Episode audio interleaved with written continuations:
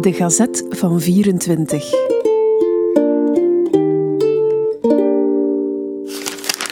...22 februari 1924.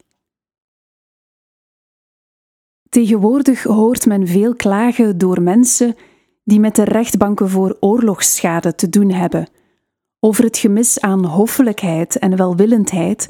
...die men vanwege het personeel zowel hoger als lager der genoemde rechtbanken mag verwachten. Ons werd het geval verteld van twee oude lieden, buitenmensen uit de omgeving van Leuven, die natuurlijk zich zeer onbeholpen voordeden voor de rechtbank en er werden toegebeten en afgesnauwd. Daarbij werd op de opgegeven som, die reeds zeer gering was, met zo'n hardnekkigheid afgedongen dat men de indruk kreeg dat de rechtbank al haar gezag aanwendde om de oudjes in verwarring te brengen. Dat alles geschiedde in een taal voor eenvoudige Vlaamse buitenlieden onverstaanbaar. Is dat nu een wijze om met de geteisterde om te gaan?